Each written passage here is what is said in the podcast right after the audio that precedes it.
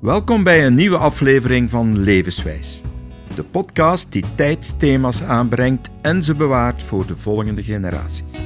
We hebben het dit keer onder andere over de Tweede Wereldoorlog. Want dat is een zwarte bladzijde in de moderne geschiedenis. De littekens ervan voelen we tot op heden. Het leven in België onder de Duitse bezetter was niet gemakkelijk. Er was honger en vernieling, om nog maar te zwijgen over de bommen die vielen en de concentratiekampen die bestonden. Beeld je nu even in dat je 16 jaar bent in die periode. Hoe gaat je leven er dan aan toe? In deze aflevering babbelen we met Christian de Boek, die een puber was toen de oorlog uitbrak. Nu is ze 96 jaar en heeft ze een valies verhalen. Ook over corona, want dat ervaart ze als nog erger dan de oorlog. En hoe ziet ze het leven in een woonzorgcentrum?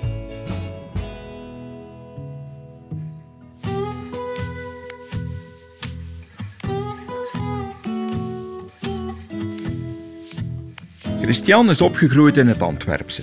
Haar vader was chauffeur en haar moeder kokkin bij dezelfde mensen van adel. Zij zelf werkte een tijdje bij een baron.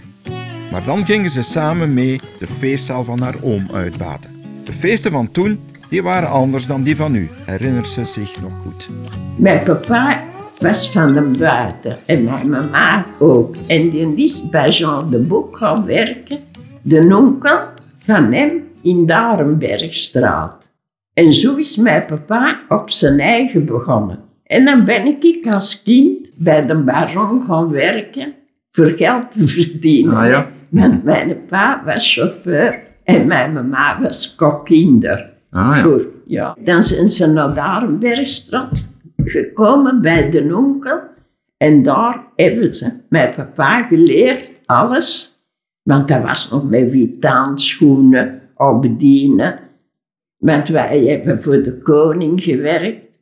Ik ben in de zaal grootgebracht. Mhm. Van kleins af aan. Ik deed heel graag de zaal. Want nu, de zoon van mijn broer doet nog de zaal. En die zei altijd, tanteke, ik wil dat je nog kwam controle doen bij mij. Zei die. Wat deed je precies toen je 16 was? Wat, wat was uw taak binnen de zaak? Binnen de zaak alles mee in doog houden van de serveurs, van garçons. Hè? Of dat die in orde waren, of dat die correct, met proper handschoenen. Allee, alles. En mijn mama kookte en mijn pa had alles ook mee in doog en serveren. Ah ja. Ja. En uw mama was een goede kokkin? Ja, ze schijnt een hele goede kokkin. En heb Ja. je dat geërfd van uw mama? Ja, maar ik zei, dat als ik getrouwd ben natuurlijk, ging ik nog helpen. Ze, hè.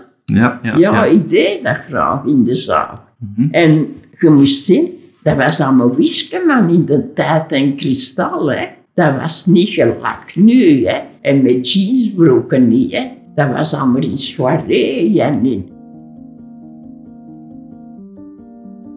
16 jaar was Christian toen de oorlog uitbrak. Je kan je dus wel inbeelden dat als puber de oorlog meemaken een enorme impact had op je verdere leven. Want ik was dan ook maar 16, 17 jaar. Mijn papa is ook opgeëist geweest met de camion. En mijn mama stond er dan alleen voor. Dat was wel zwaar en voor mijn mama ook. Dan hebben we nog vliegende bomen gehad. En die hebben we dan voor ons deur gehad. Ons meubelen, alles was weg hè, met die bom. En Makkene van de Imperiaal Pudding. En die had op de Meerse Steweg een groot erenhuis.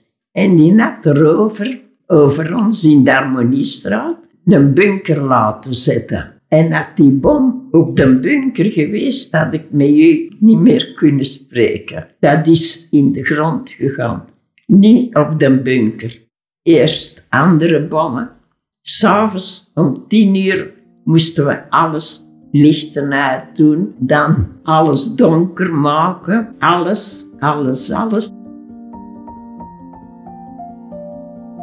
De Tweede Wereldoorlog hield lelijk huis. Toen vanaf 1942 door de grootschalige operatie aan het Oostfront de Duitse reserves onder druk kwamen te staan, werden de achtergebleven vrouwen en mannen door de Duitsers verplicht om mee te draaien in de oorlogseconomie, want men had dringend materieel nodig. Dit had ook gevolgen voor de familie van Christian. En zowel haar vader als zijzelf werden opgeëist. Want mijn papa was in Frankrijk opgeëist met Rood Kruis, hè, met de camion. Hier van het militaire gasthuis, hè, in de mobilisatie. Hè. Want van zijn camion heeft hem niks teruggekregen. Hè. Dus hij moest dan uh, gekwetste soldaten vervoeren ja, en zo? Ze vervoeren. Alleen maar vervoeren, hè, want hij kende het ook niet. Hè.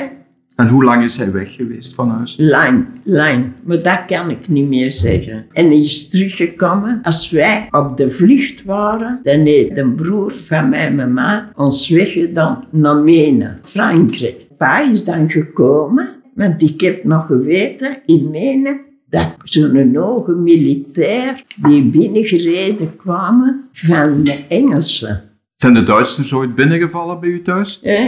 Ja, verste het griefde kwam kristal te komen uren. Maar mijn mama zei, mijn kinderen, dat was mijn pa weg, hè. Uh, mijn kinderen zijn krank en dan zijn die weg. Hè. En dan waren ze weg. Voor, voor ziektes. Mm -hmm. Ja. Er is een Joodse madame en, uh, en een zoon, lieve mensen, Joodse, die in mijn geburen woonden. Zo'n mensen, die hebben ze komen ophalen. Ik heb die nooit van zijn leven teruggezien. En die jongen, die leerde ook voor leraar. Ja. Ik ben ook opgeëist geweest. Hè? Ja? Met zo'n rode kaart. Hè? Ik moest mij aangeven aan de meer. Moesten we ons mij aangeven. En mijn mama zegt, jij gaat niet. Ik zeg, jammer, ik moet gaan. Ga jij mee? Jij gaat niet mee, zei mama. En mijn mama ging er aanschuiven bij de Duitsers hè, en een hele rij jonge meisjes. En mijn mama stond ertussen. En ze riepen haar. En ze zei, ik was rapper buiten dan binnen. Mag je zich los, los, los. En ik heb nooit meer niks gehoord. Maar ik heb wel voorzichtig geweest. Hè? Dat moesten wel doen. Hè? Het leven tijdens de oorlog was hard.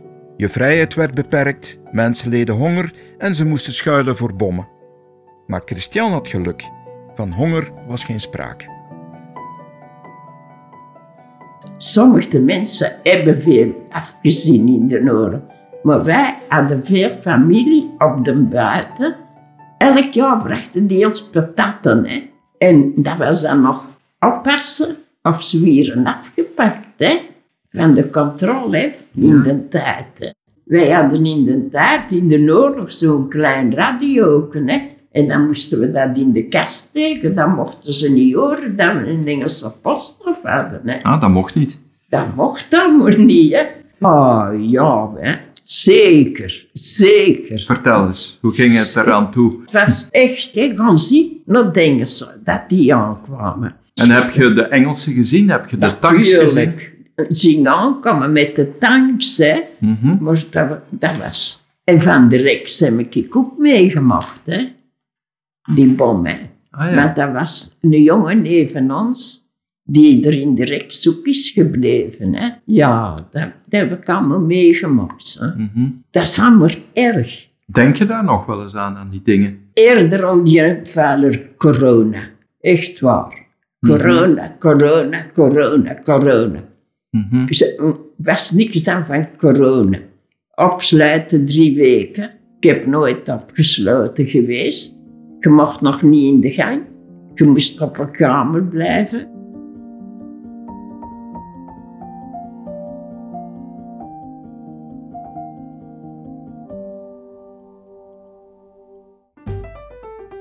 Na de oorlog leerde Christian haar man kennen.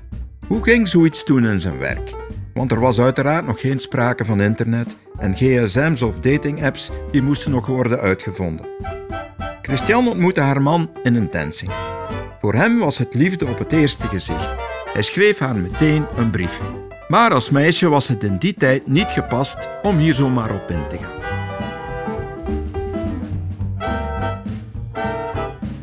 Wij ja, de zaal over de grieter. Hè? En ik ging er altijd dansen, omdat mijn mama de madame de Gruter goed kende en meneer de Gruter. En daarmee mocht ik daar gaan dansen, zo gezegd. Dat, dat was 50 frank dat je moest entree betalen. Dat weet, dat weet ik nog heel goed. Ik lees even wat uw man u vertelt. Ja, Het begint direct zo met de deur in huis. Ik heb u verleden zondag in Gruter ontmoet en zou u dolgraag nog eens zien. Ik ben een kameraad van Severin en studeer ook te Gent. ja, Misschien herinnert u me wel. Zou ik u dus zaterdag aanstaande te 14.30 uur in het Centraal Station aan de krantenkiosk kunnen zien? ja, Dat is de eerste brief. ja. Christian was blij met die eerste brief, maar ze was toch niet meteen overtuigd. Zodat hij een tweede en derde keer schreef om haar toch maar voor zich te winnen. Ik heb u niet gezien in het station en heb dus alle reden om te veronderstellen dat u er niet waart. Ofschoon ik dat op het ogenblik zelf oprecht jammer vond, heb ik er toch eigenlijk plezier in. Want ik moet u bekennen, alhoewel ik me moeilijk op het standpunt van een meisje kan stellen, dat ik in uw plaats ook niet gekomen zou zijn. Ja, Ja. hoe herinnert u zich dat? Omdat wij feesten hadden, een huwelijk of gelijk wat, dat weet ik niet meer. En dan is er nog een derde brief. Ja, en die heb ik nu voor mij. En die is, Ik lees- ik ook niet geweest. Ook niet geweest. Oei, ik lees even wat er staat. Ja. 18 november 42, dus Ja. we zitten ongeveer twee weken later. En het begint als volgt. Mijn lieve juffrouw, alle goede dingen bestaan in drie, zegt men. Ja. Om dus consequent te zijn, zou ik een derde en laatste poging moeten doen om met u in verbinding te komen. Ik zie daar echter vanaf en de mogelijkheid u vroeger of later te zien, zal ik maar aan het toeval overlaten. Dus eigenlijk stopt hij ermee. Ja, hij stopt ermee. En toen? En hij komt in de zaal bij ons een spreekbeurt doen. En eh, dan zag je mij hè, in de vestiaire, want ik deed vestiaire. Ik deed die chokken, ik mocht alles doen. Hè, Je Van- deed alles. Allee, het was dus aan op een bepaald moment tussen nee, jullie twee. dan zag je mij terug en dan dacht oh, hè, nu gaat het toch eens zeggen waarom dat je niet gekomen bent. Ik zeg, ja, nu met de feesten kan ik niet weg. Hè. En dan is hem naar huis gekomen en zo is dat begonnen.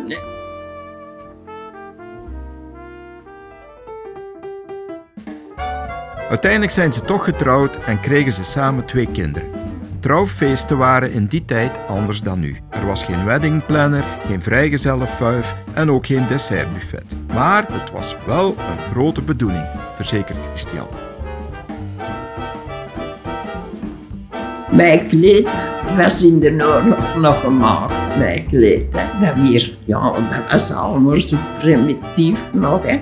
Maar dat was mooi, echt mooi nog. En die van Boom, die collega's zijn om de kerk gekomen en mijn man had gezegd, je moet een cent in je zak steken. Ik had 50 centimen geloof ik of zo. Je moet iets teruggeven. En daarmee dan een collega van mijn man, die heeft mijn schoenen gepoetst. Was dat een gebruik? De gebruikswijze daar. En dan was het receptie en dan was het grote diner en dat was allemaal met vijf gangen nog. Dat was overdreven, hè. Vroeger nog, hè. Ja. En zijn jullie op huwelijksreis geweest? Naar Luxemburg. Naar Luxemburg. En we hadden een auto. Een Fiatje had mijn man. Toen zaten ze dikwijls met vijven in dat wagensje. Die, die studenten van de school allemaal. Ja. Met Hoe de- oud was jij toen je trouwde? 25. En uw man? Drie jaar ouder. Mag ik iets persoonlijks vragen? In die tijd, dat is lang geleden, hè, mochten jullie seksueel contact hebben voor uw huwelijk? Nee, nee, nee. Oh nee, maar ik heb naar een nonnenschool geweest, hè. Dat mocht niet, hè. Dat mocht niet. Nee. En jij, jij hield u daaraan? Maar nee, bij de studenten toch niet, hè. Dat was niet zo lekker nu, hè. Van in een bed te kruipen of zo. Nee, nee, zo was dat niet. Dat bestond niet. Dat mocht niet. Nee, dat was... Nee, En moesten jullie toen naar de pastoor gaan voor getrouwden? Ja, natuurlijk. En mijn man was tegen pastoors. Hè. Oei. Ja, ja, ja. En die moest gaan. Hè. En als ik trouwde, dan heb ik nog gelachen. Die pastoor, wij zitten in de kerk, alle twee, dat heeft de mama meegedaan, mijn man. En die pastoor zegt nou. Maar hij dacht dat de man moest nou zeggen. En hij volgde in Latijn tegen mij. Dus mijn man, die pastoor, die verschoten is. Mhm. Ja, met die heeft er nou gezegd, allee, komt er.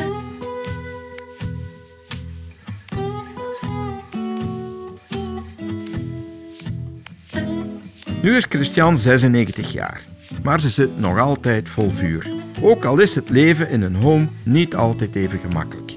100 jaar hoeft ze echt niet te worden, verrassen. Ja, niet goed. Niet goed. Nee, ik ben neergeslagen. In een rusthuis. Ja, in het rusthuis. Buiten de lift. Ik stond niet in de lift. En er is een man eh, buiten gekomen, zo met mijn relator geslagen. Gerammeld zo meer, hè. Mhm. En daarna heeft hem mij neergeslagen, hè. Amai, en je bent gekwetst? Ja, natuurlijk. Eerst dachten ze precies of dat ik niks had. Hè, met dat proberen ze in de doofpot te steken. Hè. Ze wouden dat zeggen. Allemaal, maar allez, luistert. Hè. Ik heb het, dat kan ik toch niet meer veranderen. Hè. Mhm. Nee, En wat heb je nu? Hè. mijn sterbeen. En dat is heel pijnlijk. Meisjes doen goed hun best. Maar ik zit nu in een fabriek. Eh, dingen. Eh ooms tot in Spanje en overal. En dat draait allemaal over geld. Hè. Dat, Ja. dat begrijp je. Ze moeten niet voor niet werken. Mhm. Maar ik vind toch een beetje... Want het personeel is zo, hè. Ja. Dat moet ik zeggen. En moet jij pijnstillers innemen en zo? Ja, en nu krijg ik antibiotica hè, met dat been. Hè. Dat is een gotje. En die een, die heeft die korst eraf gedaan. En dat gaat niet meer toe. Ik wist natuurlijk, eh, Christian, dat je 96 was. Nu, ik had gedacht, je gaat heel blij zijn met je 96ste, dat je 96 bent. Ja, maar, Maar- ik ben blij. Mhm. Moesten ze mij niet neergeslagen hebben. Ja, ja. Ik heb de indruk dat dat een hele zware stempel drukt op u. Ja. Eerst was het van dak schudden ze. Ja. Was die man begeleid. Zeg maar, die man is uit de lift gekomen. Zo. Mhm. Op mijn eigen wel. Mhm. En met mijn kinderen ook. We hebben elk jaar een feest gehad voor mij. De zoon van mijn broer, die stuurde elk jaar, als ik verjaarde, van als ik hier zijn binnengekomen, bloemen. Zoveel bloemen elk jaar, in fase. allemaal. Ik zeg, Frank, alstublieft, ik kan die niet verzorgen. Ik kan dat niet meer. En dat waren allemaal zo mooie bloemen en allemaal mooie vazen en alles. Hè. Wilt je 100 worden? Met die pijn niet. Als je nu nee zegt, dan wil dat zeggen, je sterft liever. Ja, maar dan vraag ik een spuit. Dat heb ik gezegd aan de kinderen. Geen darmke niet Mensen doen nu direct naar het gastenzier. Hè. Voor een arm, up, naar de kliniek. Hè. Dan hebben ze hier geen zorgen hè, met u. Hè. Dat hebben ze hier ook. Hè. Dat is overdreven. Zou je euthanasie laten doen? Ja, als ik moest weten, dan moet dat. Bedankt om te luisteren. Willen jullie meer verhalen zoals dit horen? Pik dan andere afleveringen van Levenswijs mee. Je vindt ze op onze website levenswijs.be of op je favoriete podcast-app.